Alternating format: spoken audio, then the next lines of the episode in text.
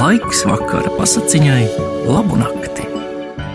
Latvijas rādio darbinieki stāsta savas mīļākās vakara pasakas. Labvakar, mazie klausītāji! Bērnībā mēs visi lasām un arī gaidām pasakas. Pasaku grāmata Burvju Ota, kurā ir dažādu tautu pasakas, man bērnībā bija ļoti mīļa, un šovakar viena no tām - franču tautas pasaka Jautrais Žanno un Burvju fleite. Kāda krietna saimniece iejāva maizi. Kad maize bija izcepta, pašā abras dibenā bija palikusi maza mīklas piciņa. Saimniece nodomāja, pag, izcepšu rausīti savam dēliņam Žanno, un krietnā sieva ņēma kripatiņu sviesta, iemīcīto mīklā pielika divas olas un izcepa savam dēliņam Žanno brīnum jauku brūnu zeltainu rausīti. Un, kad tas bija gatavs, viņa pasauc dēlu, iedeva viņam rausīti un sūtīja puiku laukā rotaļāties ar citiem bērniem. Žanno izgāja, apsēdās ceļa maliņā un sēž, grauž savu rausīti. Taisni to brīdi vilkās garām pārka vecenīte. Labdien, Žanno! Vecenīte teica: Ai, kas tev par brīnumu jauku rausīti, vai nedosi man kumosiņu nobaudīt? Vai gan vēl jāprasa? Ņemiet visu, ja jums gribas, lūdzu. Tēncinu, Žanno, tev ir laba sirds. Tikai visu rausīti man nevajag, iztikšu ar pusi. Labā vecenīte apēda savu pusi un tad salūkoja darbiņā grēdzenu un fleiti un sniedz Žanno. Es negribu tev palikt parādā, viņa sacīja. Tu man devi pusi no sava rausīša, šeit tev par to gredzens un brīnišķīga fleita. Pielūko glabā rūpīgi, tie tev dzīvē dažu labu reizi noderēs. Žanno patencināja lāga vecenītei, un, kad tā bija aizgājusi, viņam kārojās izmēģināt, kāds tad labums no šī gredzena un brīnišķīgās fleites. Žanno uzvilka gredzenu pirkstā, un tajā pašā acu mirklī saraucās mazmazītiņš. Vai! Vai tiešām es tagad tāds arī palikšu un nekad neizaugšu liels? Žanno nodomāja bet tiklīdz viņš tā bija nodomājis, kad uzreiz sāka augt un augt un izauga garāks par visaugstāko sienas kaudzi un pat par veidzirnavām. Tad Žanno novilka gredzenu no pirksta un tajā pašā brīdī atguva savu agrāko augumu. No Žanno ņēma burvju fleiti un sāka pūst, un piepeša viss ap viņu sagriezās dejā un lēkāja, un virpuļori arvien straujāk un straujāk, Ā, nu tagad es zinu visu, kas man ir jāzina, Žano nodomāja. Nu es varu apstaigāt visu pasauli. Un Žano soļoja pa ceļu uz pilsētas pusi. Pret vakaru ceļš noveda puisi mežā. Te viņu pamanīja laupītāji un sāk dzīties viņam pakaļ, bet Žano uzvilka pirkstā burvju gredzenu un uzreiz saraucās tik maziņš, ka paslēpās zem saplīsušas olas čaumalas. Laupītāji viņu nepamanīja un aizdrāzās garām. Tad Žanno no vilka gredzenu no pirksta, palika atkal, kāds bija iepriekš, un nogriezās kādā sānceļā. Bet te viņam pa pēdām sāka dzīties kāda cita laupītāja banda. Žanno vajadzēja vēlreiz pārvērsties maziņam un paslēpties zem kāpost lapas, un tur viņš arī pārgulēja pa nakti. Bet rītā jaunais ceļinieks nonāca pie pils. Teicās, ieradies sērst un lūdz uzņemt viņu kā viesi.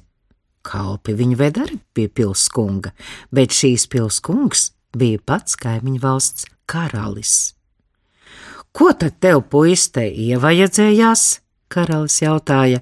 Hm, nu es gribu ēst, dzert un gulēt vienalga, vai tas jums patiks vai nē? Tā Žano atteica. Ak, tu nekauņa! Tūliņ likšu kalpiem tev uzskaitīt pēc nopelniem. Es nebīstos ne no jums, ne no jūsu kalpiem. Esmu varenāks par visiem punduriem un spēcīgāks par visiem milžiem. Skatieties! Un tad visu acu priekšā Žanno pēkšņi saraucās pavisam, pavisam maziņš, kā ots.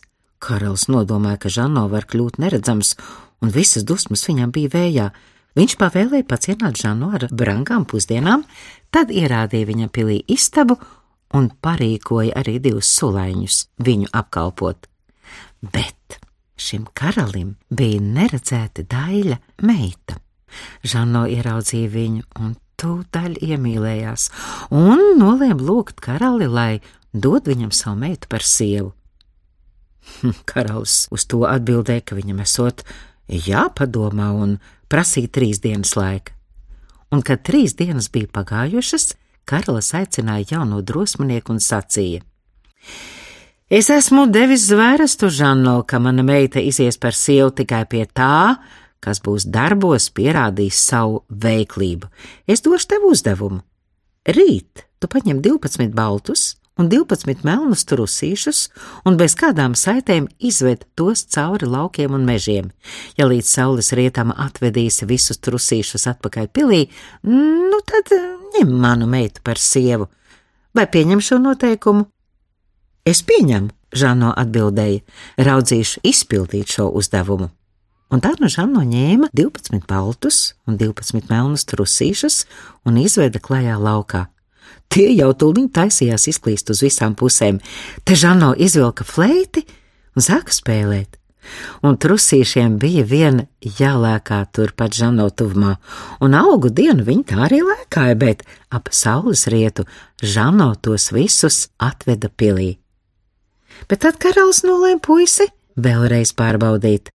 Hmm, rīt pie tevis aizies bende, bet tu pamēģini viņam rokās nokļuvis palikt dzīvs. Ja šo pārbaudījumu izturēsi, karalis sacīja, tad došu tev savu meitu par sievu. Otrā rītā plašajā pils pagalmā patiešām uzcēla karātavas. Pats karalis iznāca uz balkonu noskatīties, kā tad puisi kārs. Bet, kad Bende grasījās uzmest notiesātajam kaklā cilpu, tad Žanno sāka augt ar vien garāks un garāks, līdz izauga tik garš, ka varēja apsēsties uz karātavu šķērskoka kā uz sola, tā ka kājas sniedza zemi. Nabaga benda galvu atgāzes raudzījās uz Žanno, bet tas joprojām auga, auga, līdz sasniedza visaugstāko karaļpils torni. Tad Žanno atbalstīja elkoni pret torņu jumtu, bet karātavas paspēra ar kāju pie malas kā tādu skaidiņu.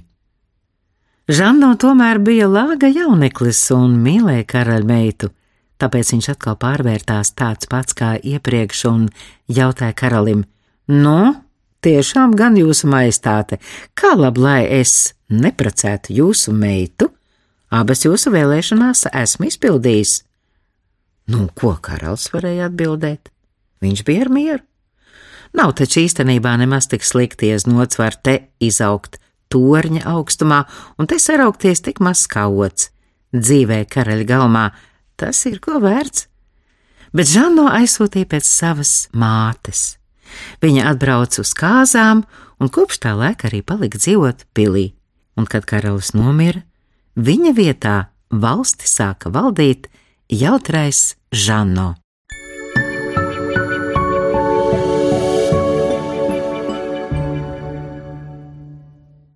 Tas arī viss mazo draudziņa guli saldi.